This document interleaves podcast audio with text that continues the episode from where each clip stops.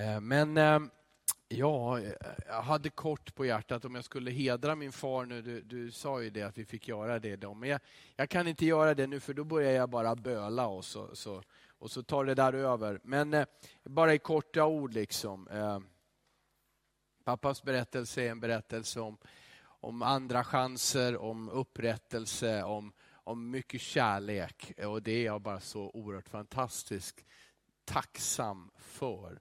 Han är 95 år gammal nu, mannen. Eh, men eh, ja, det är bara att gratulera till alla som har eller har haft en pappa. Eh, om det inte finns någonting annat du kommer på så talar jag om för dig att du sitter här. Det har att göra med att det har funnits en pappa. Eller hur? Eh, och det, man måste säga det, för att det är, ibland är man jättelycklig tacksam som jag. Ibland eh, möter jag människor som är oerhört olyckliga eh, över det. Men tacka Gud för att du finns. Och tacka Gud för att han hade en plan med det. Du, blev, du är inte ett olycksfall. Även om en del föräldrar kanske har sagt det. Du är liksom ett olycksfall i arbetet. Eh, men, men det är du inte. Gud älskar dig. Han har satt dig här på jorden och han har en fantastisk framtid för dig. Vet du om det? Ja, några stycken. Ja, men det är bra. Hörrni, nu vill jag att ni ehm, ja, ska vara med här. Ehm, och Då får ni gärna säga amen och halleluja eller så får ni säga nej också om ni tycker det. Ehm, jag kommer att predika utifrån Markus evangeliet. Fortsätter serien där om den tjänande kungen. Kungen som tjänar. Och för att också Markus för att han vill ge oss ett exempel på vad det är att vara en lärjunge till denna tjänande kung. Kommer fram, vi är framme i Markus kapitel 6 ett par gånger tillbaka. Den här gången så har vi en eh, berättelse som den kan vi kalla för smaskig. Jag tycker det är ett bra ord, smaskig. Eh, för det är en blandning av kungligheter, det är en blandning av grymhet och omoral. Och allting i extrem form och mycket förljuget. Skulle absolut klassas som en av vår tids bästa reality-shower. Och dra massor med tittare för de som tycker om den här blandningen av grymheter, utav sexuell omoral och kungligheter, för det finns det i den här berättelsen. Titeln på budskapet är faran i ett tudelat hjärta. Vad är det för gammalt ord? Tudelat? Ja, alltså ett hjärta som drar i olika riktningar och det är svårt att veta vart man ska gå. Faran i det, men också möjligheten i det här. Vi ska läsa från Markus kapitel 6, vers 14 och framåt. Och titeln i Bibeln här är Johannes döparens död. Markus 6 och 14 till vers 29. Jesu namn hade nu blivit känt och kung Herodes fick höra att folk sa att Johannes döparen hade uppstått från de döda. Och det var därför, de dessa, därför dessa krafter verkade i honom. En del sade att han var Elia och andra att han var en profet, liksom någon av profeterna. När Herodes hörde detta sa han, det är Johannes, han som jag halshög, han har uppstått. Herodes hade nämligen låtit gripa och binda Johannes och sätta honom i fängelse på grund av Herodias, hustru till hans bror Filippus. Herodes hade gift sig med henne. Ja, precis. Men Johannes hade sagt till honom, det är inte tillåtet att du har din brors hustru. Herodias hatade honom och ville döda honom, men hon kunde inte eftersom Herodes hade respekt för Johannes. Han visste att Johannes var en rättfärdig och helig man och skyddade honom. När han hörde honom blev han många gånger villrådig. Ändå lyssnade han gärna på honom. Så kom en dag ett lämpligt tillfälle. När Herodes firade sin födelsedag med en fest för sina stormän och befälhavare och de främsta i Galileen. Då kom Herodias dotter in och dansade och Herodes och hans bordsgäster blev så förtjusta att kungen sa till flickan, be mig om vad du vill så ska du få det. Han svor på det och sa till henne, vad du än ber om ska jag ge dig, ända till hälften av mitt rike. Då gick hon ut och frågade sin mor, vad ska jag be om? Hon svarade, Johannes döparens huvud. Flickan skyndade genast in till kungen och bad, jag vill att du genast ger mig Johannes döparens huvud på ett fat. Kungen blev djupt bedrövad, men för edens och gästernas skull ville han inte neka henne. Han skickade genast iväg en bödel och befallde honom att hämta Johannes döparens huvud. Denne gick då bort och halshögg honom i fängelset. Och han bar fram hans huvud på ett fat och gav det åt flickan och flickan gav det åt sin mor. När Johannes lärjungar fick höra det kom de och hämtade hans döda kropp och lade den i en grav. Samma ställe i samma berättelse i Matteus kapitel 14, vers 12 avslutar med de här orden. Sedan gick de och berättade det för Jesus. Och Lukas 9.9 lägger till, och Herodes försökte få träffa Jesus. Johannes döparen, den sista av gamla testamentets profeter, vägbanaren för Messias och en ny tid. Enligt Jesus var Johannes döparen den störste född av mödrar. Så att vandra på den här jorden fram tills det nya förbundets tid och nya testamentets tid. Det här är berättelsen om hans avrättning och det som sker genom den som kallar sig för kung Herodes men egentligen inte var kung. Ska vi titta lite, får jag ge lite grann historia, det allra mesta ifrån Bibeln, lite grann från historieböckerna. Det finns en romersk historiker som heter Tacitus, en judisk historiker som heter Josefus, som båda skrev på 100-talet. och berättade lite grann om Herodianerna, eller Herodes och den här kungafamiljen som regerade. Ni känner alla till Herodes den store, eller hur? Det var då när Jesus föddes. Och han, det var skattskrivning som hände och, och eh, han försökte att döda Jesus men tog istället ihjäl 2000 andra barn. Ja, just det. Förstår du? Det här är farf. Det här är, det här är pappa nu då. Det här är den typen av familj som vi talar om. Det här, Herodes den store kallades förhoppningsvis inte stor för att han hade tagit ihjäl 2000 oskyldiga barn i jakten på en liten bebis som man trodde var Messias. Han fick fyra söner. Aristobulus, Antipas, Filippus och Arkelaos. När han dog så delade han upp sitt rike och riket bestod av Judeen och Galileen. Han delade upp det i fyra delar och gav dem en fjärdedel var. Därför så kallas de i Matteus och Lukas eh, evangelien så kallas den här mannen för eh, tetrarken, tetrarken eh, Herodes Antipas.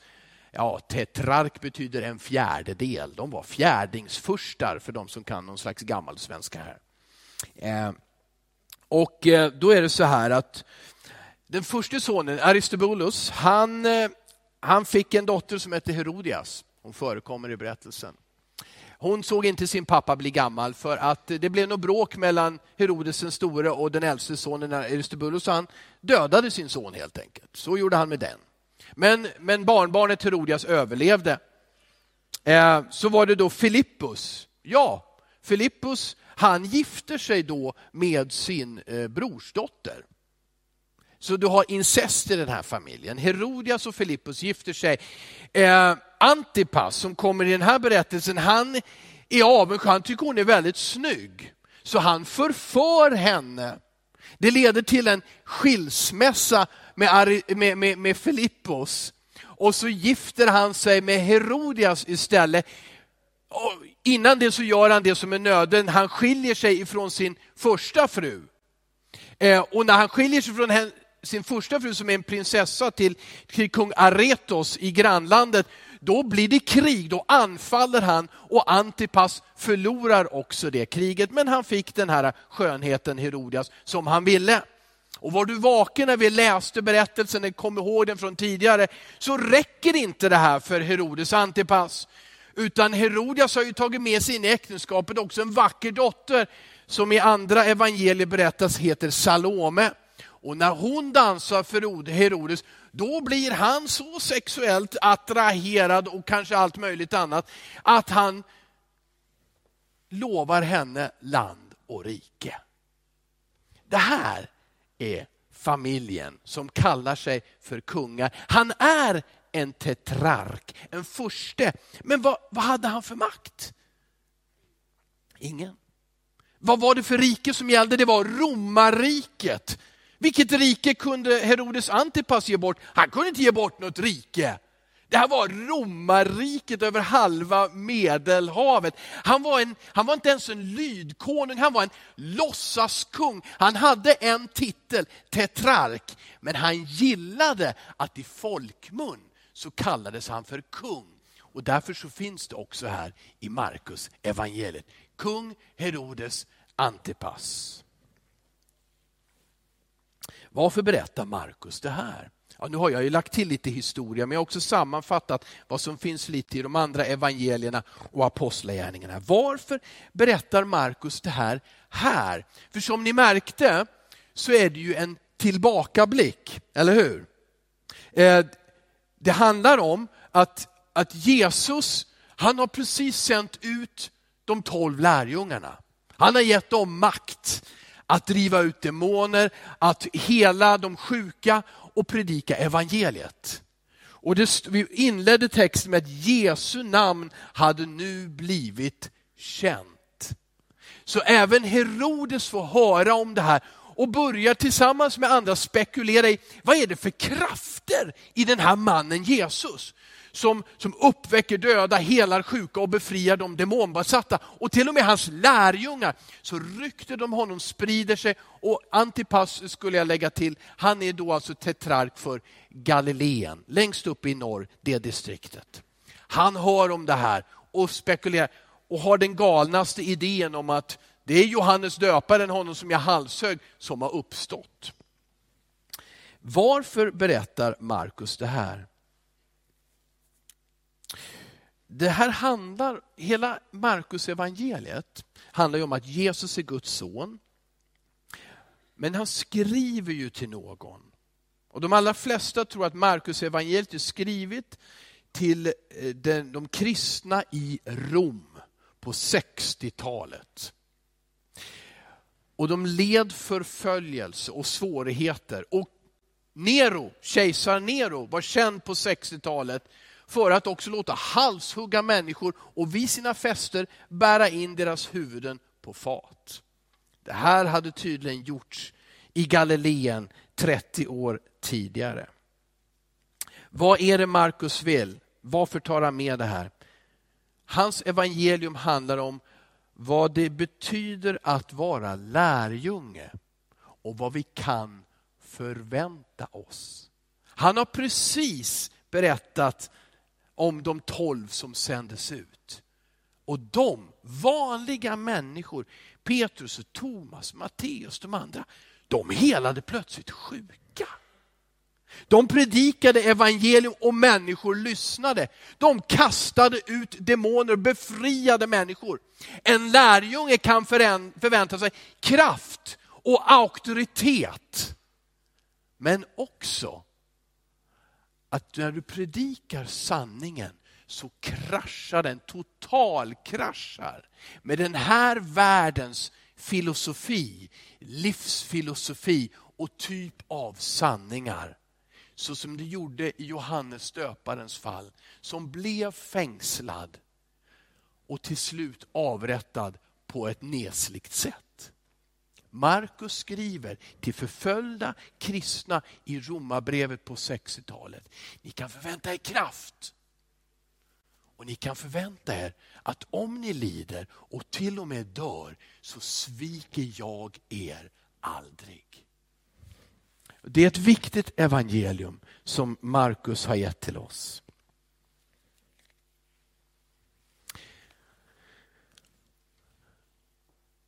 Bara för att ta ett litet hopp till en bibelvers som är mycket välkänd, Romarbrevet 12 och 2.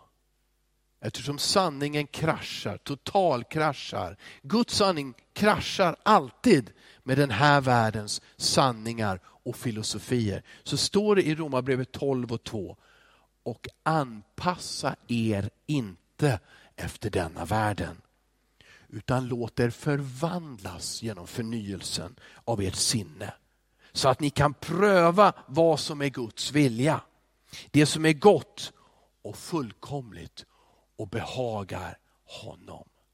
Det är inte ett tudelat hjärta. Det är ett hjärta som vet vad som gäller.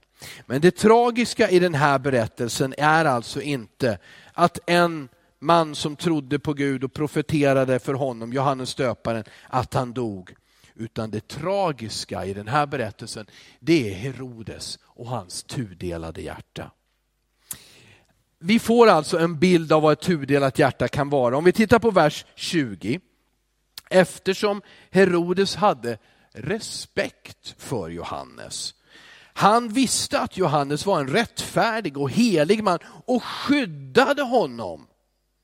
När han hörde honom blev han många gånger villrådig, ändå lyssnade han gärna på honom.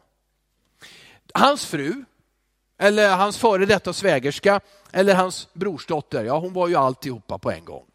Hon ville se Herodes död. Eh, eh hon ville se Johannes död för att han hade talat emot det äktenskap eller den relation som de hade innan de giftes också. Men Herodes respekterade han tyckte det var intressant att lyssna. Han blev ofta villrådig, står det, när han lyssnade på Johannes, profeten. Men han ville ändå skydda honom. Varför? Varför ville han skydda en man som gav honom dåligt samvete? Som konfronterade honom med hans omoral, med hans maktlystnad, med hans pengabegär. Och det, här, det, det, det är liksom tragikomiskt det här. Det påminner lite grann om berättelsen i Apostlagärningarna 20 där Paulus är fängslad. Antagligen är det verkligen så här att, att, Johannes, äh, förlåt, att Herodes lät ta ut Johannes ur fängelset lite då och då och så fick han predika och så tänkte jag, åh det där är spännande, det finns någonting i det här som jag gärna skulle vilja ha men, nej men fy vad jobbigt, det här blir för svårt att omsätta, nej tillbaka till fängelset med dig.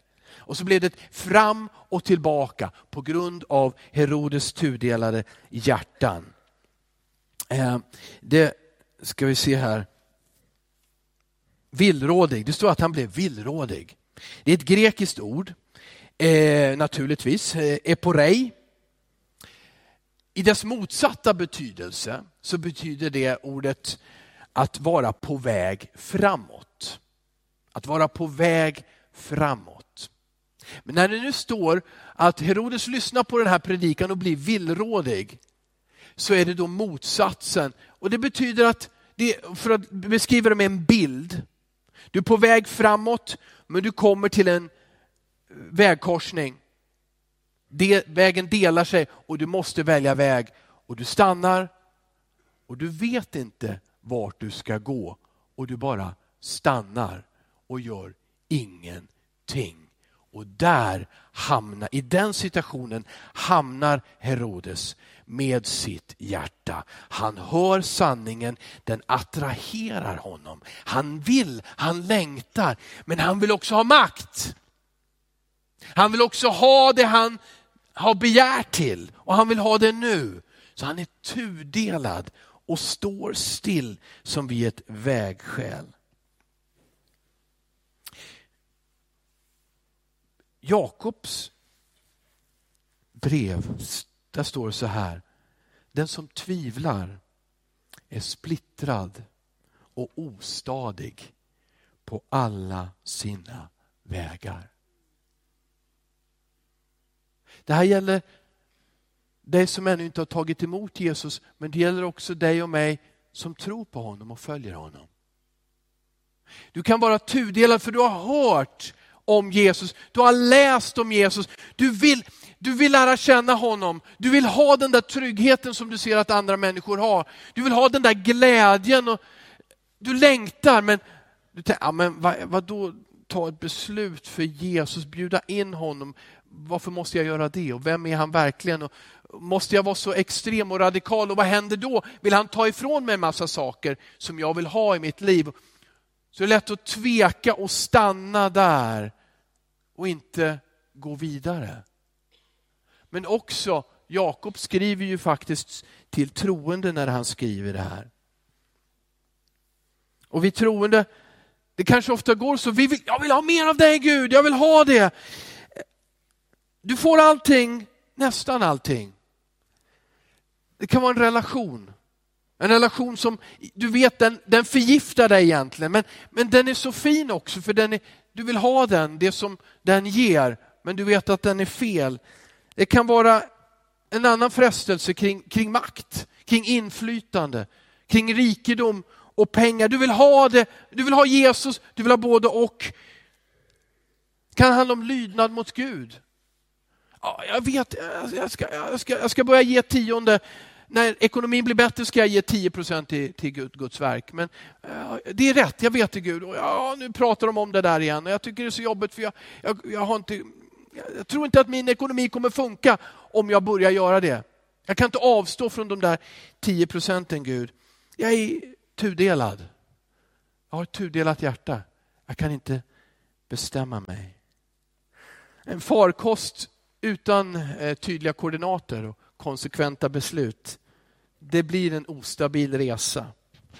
Tänk på en segelbåt som seglar in genom ett trångt sund, medveten om att där finns ett grund någonstans mitt i. Man måste titta på kartan och man måste ta sitt beslut hur man ska segla igenom. Om man är obeslutsam så kan det sluta precis hur som helst. Ingen vet det. Bästa medicinen mot obeslutsamhet är att ta informerade beslut. Bibeln lovar att Gud ska välsigna, han ska beskydda den vars ekonomi till exempel bygger på förtroende till Gud. Jag litar på att du tar hand om mig. Och som bygger på en generositet i likhet med det som Gud ger dig och mig. Så vill jag leva. Jag vill ha förtroende till dig. Jag vill vara generös mot andra och mot ditt verk. Det är, eh, där får man Guds välsignelse och Guds beskydd. Det är att ta ett informerat beslut. För det finns tydliga löften om att Gud vill välsigna, beskydda och vara med. Att våga tro. Hörrni, vi kan alla, menar jag tror i alla fall, jag, jag tror att alla kan besluta sig för att börja gå på Celebrate Recovery. Celebrate Recovery är ett program för alla som brottas med sår, ovanor och beroende. Finns det verkligen någon här som inte gör det?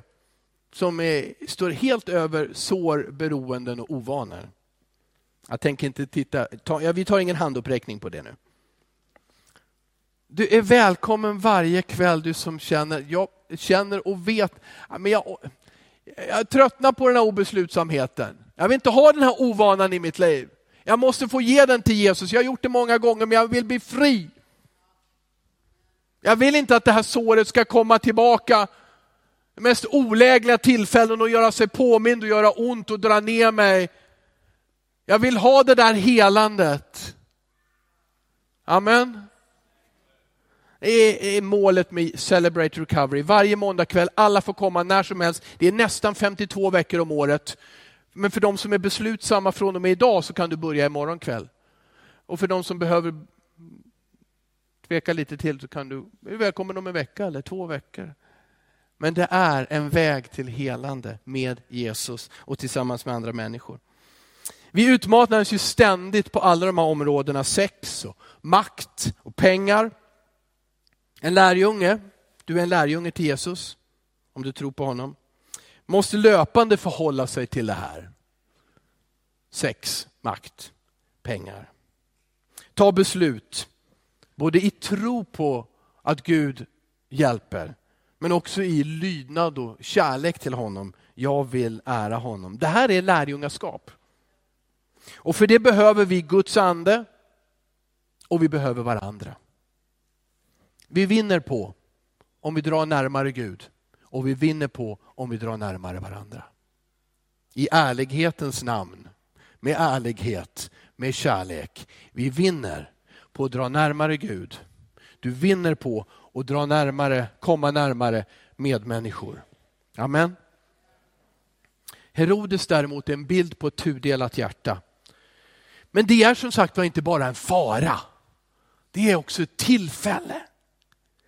Guds ljus föll på hans hjärta. Förstår du? Du som längtar efter tecken och speciella och bra människor.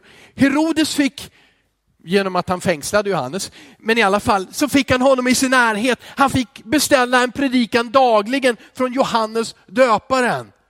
Och som talade sanningen i hans liv. Han Herodes, det blev naturligtvis klart för Herodes att de människor jag har runt omkring mig, de ljuger minst lika mycket som jag ljuger och det är ju mycket. Men här kommer en som är helt orädd och som säger mig sanningen som den är. Han fick ett gudomligt tillfälle att inte bara känna av Guds ljus och få ett dåligt samvete, utan ta emot Guds förlåtelse. Att omvända sig till ett nytt liv. Det är djupt tragiskt att läsa om den här människan. Han ville bli sedd som viktig och inflytelserik. Han ville inte bara vara tetrark, han ville vara kung.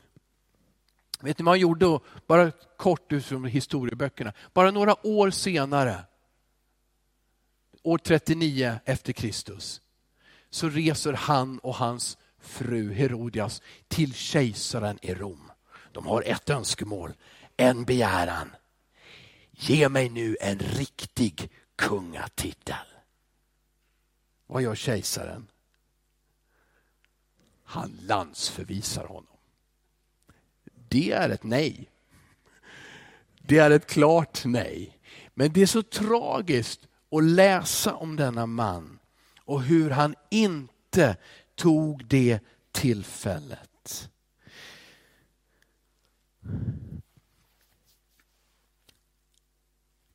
Han fruktade Gud, det är det ordet som används. Vi, vi läste här, han hade respekt för Johannes. Men ordet är egentligen frukta. Han fruktade Johannes. Men jag tror inte att, att den här mäktige mannen var rädd för Johannes som sådan. Men det finns den här en fruktan, en beundran. Hur kan den här mannen som jag har satt i fängelse vara så fri? Hur kan han säga mig precis vad han tycker och tänker? Han vet att jag kan göra slut på honom och ändå så är han den han är. Hur kan han vara lycklig? Vi behöver fester, vi behöver orger, vi vill ha mat, vi vill ha frihet att göra vad vi vill och känner för.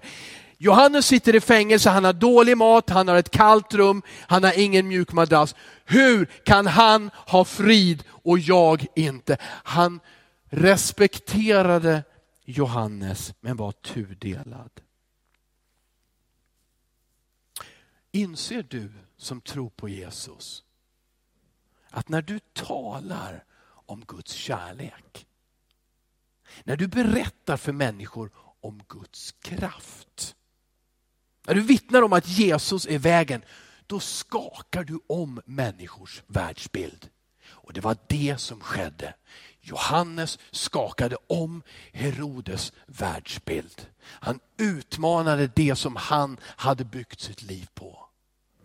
Och när du berättar om Gud, om hans kraft, om hans kärlek, då uppstår ett tillfälle för andra människor att ta emot Gud.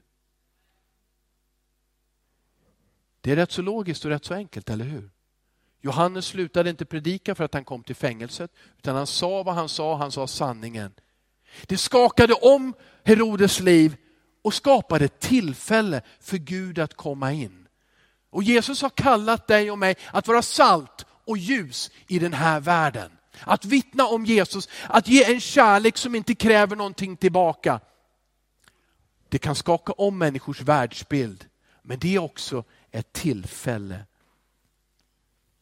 Och så står det så här i vers 21 och det börjar ju, om man inte har läst texten så många gånger som vi kanske har gjort, så börjar det så bra. så kom en dag ett lämpligt tillfälle. Och tänk om det var Herodes tillfälle att säga ja till Gud. Nej, det var Herodias tillfälle. För hon kände sin man, hur förljugen han var och hur han traktade efter hennes dotter. Det blev hennes tillfälle. Och det här, det är ingen som kan se glad ut när jag säger det här. Det här blev slutet på Herodes tillfälle. Det hade funkat en tid att skjuta skjuta upp det, skjuta det framför. Ja, men Johannes får komma tillbaka imorgon eller om några dagar. Ja, det ska bli spännande att lyssna igen. Men här, den dagen tog Herodes tillfälle slut. Det står i och för sig då, som jag sa i Lukas evangeliet, han sökte efter en möjlighet att få träffa Jesus och han fick den ju. Han blev ju vän med Pilatus, den romerske ståthållaren, han som egentligen hade makten, och soldaterna.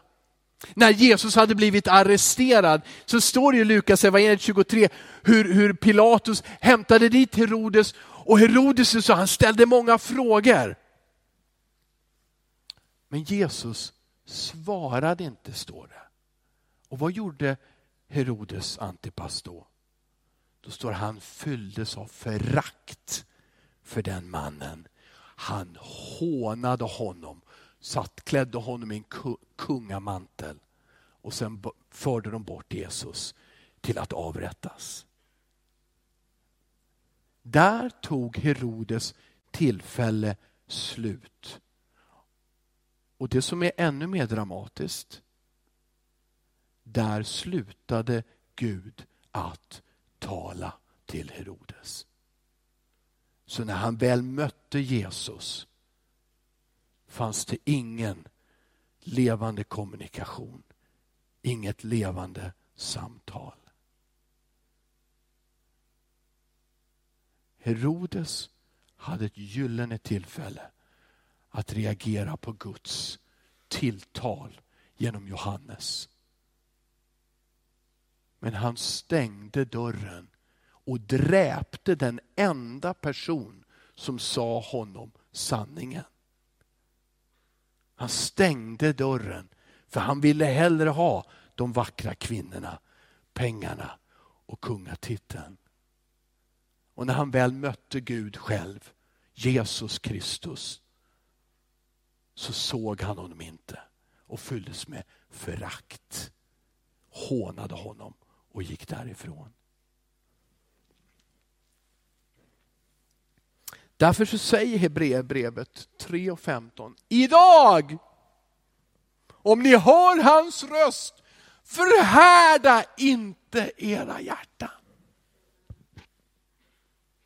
Som troende, vi kommer dag för dag, och det här gäller mig lika mycket som någon annan. Vi kommer till vägskäl. Eftersom vi är människor så är, vi, så, så är det klart att vi tänker efter lite grann. Kort eller långt. Vilken väg ska jag gå? Kära vänner, du kan inte behålla ditt hjärta på en och samma temperatur. Det blir varmare eller kallare. Det finns, det finns ingenting som jag, nu bevarar jag mitt hjärta lite ljummet. Jag, jag vet inte vad jag ska göra. Jag vågar inte. Jag tror att jag skulle gå till hållet, men förstår du vad det har för konsekvenser på mina vänner och människor runt omkring och kanske mitt arbete och allt möjligt. Eh, det, det, det, jag stannar här. Bara för att du sitter i kyrkbänken så säger jag det. nu. Det är så skönt i kyrkbänken. Jag stannar här. Men det finns ingen möjlighet att stanna varken i en kyrkbänk eller att hålla ett hjärta lagom varmt. Det blir varmare eller det blir kallare. Vem tar dina beslut? Vem tog Herodes beslut? Han trodde att han tog beslut, han trodde han var kung. Han trodde han kunde kalla på Johannes hur många gånger han ville. Han kunde ha så många fester han ville. Han kunde erbjuda sitt rik, han kunde imponera på befälhavare, på vänner och politiker. De som fanns runt i Galileen. Det var inte han som bestämde, det var hans fru som bestämde. Hallå? Det var ju hon. Hon kände hans hjärta och hon visste hur hon skulle få honom dit hon ville ha honom. Och whoops, så var chansen som han trodde att han hade bortkastad. Vem tar dina beslut? Vem tar mina beslut? Ska jag, ska jag joina Adam och säga, Adam sa till Gud, den där kvinnan som du gav mig. Eh, kommer ni ihåg berättelsen om äpplet som inte var ett äpple? Det står bara frukt. Okej? Okay? Hon åt först, så är det, det är sant. Och så gav hon det till Adam. Och så kommer Gud och säger, har du kanske ätit av frukten? Det var kvinnan som du gav mig. Gud, du har, du har två olika möjligheter att skylla, äh, veta vem som är. Det är, antingen är det du, Gud, det är ditt fel, eller så är det kvinnans fel. Jag är Adam. Jag... Förstår du? Men det är så här att det kommer en dag framför oss. Den är fantastisk och dramatisk och den är oerhört stor. Och då står du och jag, inte samtidigt men på något sätt så står vi helt ensamma inför Gud. Den kallas för domens dag, den kallas för dagen. Där står jag, i mitt fall, Finns inte mina barn, finns inte mina föräldrar, finns inte min hustru, finns inte någon av dem som har älskat och burit mig genom livet. Finns inga goda kamrater, finns inget fotbollslag. Finns ingenting. Det är jag och Gud. Och vad, vilken fruktansvärd syn. Vem ska jag skylla på? Åh, den dagen ska du ha med dig Jesus. För han är den bästa advokaten. Det här är bibliska ord. Han är advokat, han är försvararen. Du ska ha med dig Jesus på den dagen. Du kommer självklart inte vara ensam. Absolut inte. Men inte din pastor och inte din vän och ingen annan kommer att vara där. Men du står ett ögonblick alldeles ensam och hela ditt liv, hela ditt liv kommer att belysas då behöver du, men då får du också ha Jesus med dig. Och då är det så underbart att då ska ingenting synas av din obeslutsamhet och dina felaktiga beslut och det som drog iväg åt fel håll. Om du har Jesus med dig så får ditt liv vara så, så, så, så fyllt av, av felaktigheter och misstag det vill. Men har du Jesus med dig, då är du ren, då är du hel. Då kan du stå som ett Guds barn på den dagen och bara älska den Fader och Gud som har skapat dig. Amen. Det är en sån skillnad, halleluja! Det här är evangelium. Det här är Guds evangelium. Och kära vänner, är ni med mig en liten stund till? Mm. Och ni som inte var det, vakna nu då. Kom igen. Jesus säger någonting som jag ska ta en hel predikan om lite senare. Men jag ska bara läsa de orden nu. Markus kapitel 8. Markus kapitel 8, vers 23. Nej, Markus kapitel 9, vers 23. Jag gör ett nytt försök. Nej, jag vet inte var jag är. Tänk, det här är fantastiskt. Undrar vad det var jag skulle läsa då. Jag ska hitta det. Markus kapitel 8, vers 34. Tack för att ni är så duktiga bildtekniker och hänger på här. Han kallade till sig folket och sina lärjungar och han sa till dem, om någon vill följa mig ska han förneka sig själv och ta sitt kors och följa mig. Den som vill rädda sitt liv ska mista det. Men den som mister sitt liv för min och för evangeliets skull ska rädda det skulle kunna skriva in både Herodes och Johannes i de här verserna. Den som vill rädda sitt liv med egen kraft ska förlora det. Den som lägger sitt liv i Jesu händer och följer honom ska vinna det. Vad hjälper det? För vad hjälper en människa om hon vinner hela världen men förlorar sin själ? Den som skäms för mig och mina ord i det här trolösa och syndiga släktet. Honom ska också människosonen skämmas för när han kommer i sin fars härlighet. Detta ska inte hända, får inte hända. Han är din försvarsadvokat. Skäms aldrig för honom. Han är din själs älskare. Han är ditt ljus och din frid. Skäms aldrig för honom. Och Gud att mitt hjärta inte skulle vara tudelat. Att jag aldrig skulle tiga om honom. Men jag gör det. Men jag bygger mitt liv på Guds nåd. Du ska bygga ditt liv på Guds nåd. Paulus skriver i andra Korinthierbrevet 6. Som Guds medarbetare uppmanar vi er också att ta emot Guds nåd så att den blir till nytta. Guds nåd är given till alla människor. Guds nåd, Guds nåd är över ditt liv. Han älskar dig, han vill välsigna dig, han har förlåtit dig, han har gjort allting som behövs. Han vill att du ska flöda av liv. Han vill att du ska gå vägen framåt, komma till en vägkorsning, tacka honom, bedja till honom och sen gå vidare för han kommer att leda dig. Han vill inte att du ska stanna, bli stående och kallna. Han vill föra dig framåt. Du ska få nytta av nåden som han ger. Som Guds medarbetare uppmanar vi också, ta emot Guds nåd så att den blir till nytta. Han säger ju, jag bönhör dig i nådens tid. Jag hjälper dig på frälsningens dag. Nu är den rätta tiden. Nu är frälsningens dag. Förstår ni? Tycker ni att jag ibland är lite så emotionell eller vad man kan kalla det? Märker ni hur, hur pennan och allting, jag kan tänka mig att pappret brann upp som Paulus skrev på. Nu, nu är nådens tid, nu är frälsningens dag. Idag kom till Jesus med hela ditt hjärta. Tillfället är nu. Jag vill inte vara som Herodes, så vad gör jag?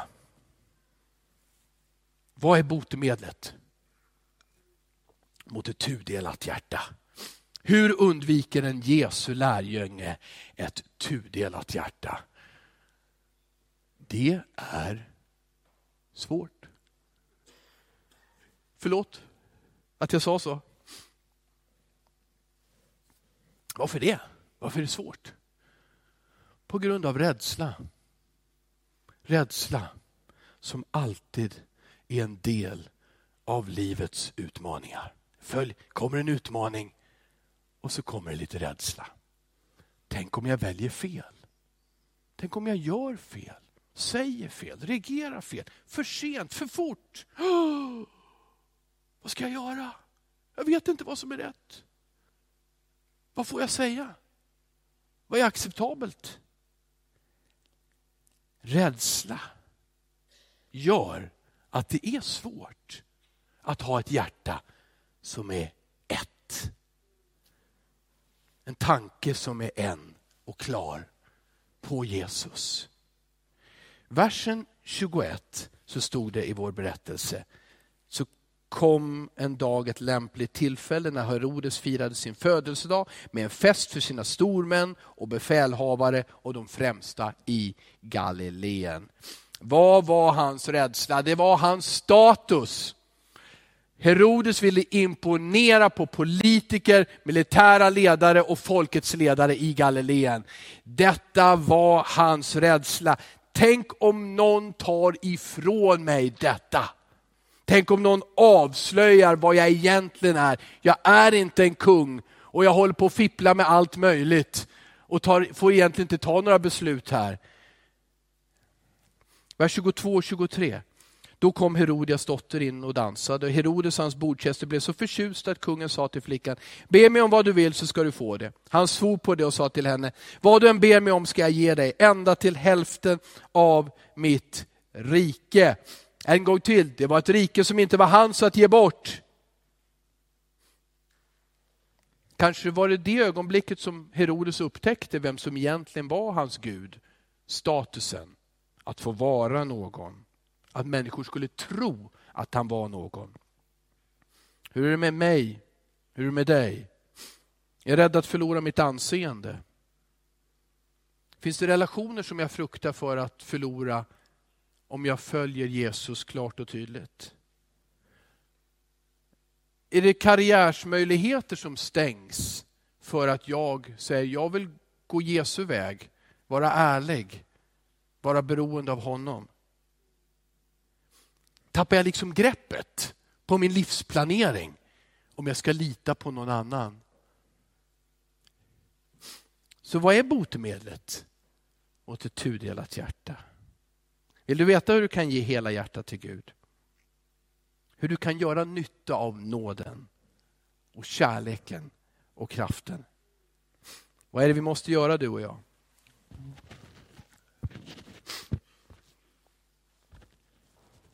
Jag kan bara säga att de sista veckorna har jag personligen kämpat med det. Ah, månaderna. Nej, jag menade flera år. Rädslan. Att identifiera vår djupaste rädsla. Ibland får man gräva lite, ibland är det rätt så tydligt och klart för att, vad det handlar om. Att sätta fingret på den rädslan och ge den till Jesus. Ja, ge den till Jesus. Var det svaret för enkelt? Att kalla rädslan vid namn och ge den till Jesus. Han är här. Han är bredvid dig. Han är med dig. Hans händer, han bär ingenting i sina händer, de är tomma. Han vill att du ska ge honom något. Han är där, han är här. Han vill gärna ta det. Du får kasta dina bekymmer på honom. Du får ge honom din rädsla. Att identifiera den. Några avslutande ord om Johannes döparen och Herodes. Hur kunde Johannes döparen göra det rätta? Han som var orättvist fängslad. Han gjorde det rätta för att han var fri. För att han inte var slav under sin rädsla. Han hade bojor, han var bunden till sin kropp. Men inte i sitt hjärta. Herodes, som var en slags kung, hade inte den inre kraften och modet att göra det rätta. Varför? Jo, för att till och med kungen, han på scenen längst fram, var slav under sina rädslor. Gud vill att du ska känna friheten. Han vill att du ska få känna friheten som kommer när jag lägger hela min identitet, hela min personlighet i Jesu händer. Den friheten bygger på en enda sak. Guds kärlek till dig och mig genom Jesus Kristus. Guds kärlek till dig och mig är grunden för vår frihet. För en frihet från rädsla och till ett hjärta som mår bra. Amen. Det är den som du är. Du är fri genom Jesus. Du är inte slav, du är fri, du är inte bunden. Du är älskad av honom. Det finns en fara i ett tudelat hjärta. Men det finns också en möjlighet när vi upptäcker hur det står still med vårt hjärta. Botemedlet är och förblir, ge det till Jesus. Ge det till Jesus. Han sa, om nu sonen gör er fria, blir ni verkligen Amen, ni blir fria. Vi säger det en gång till. Om nu sonen gör er fria, blir ni verkligen fria. Amen. Du är inte slav under rädslan, du är inte slav under synden. Du är fri. Res dig i Jesu namn. Amen. Amen. Ni kan resa på er.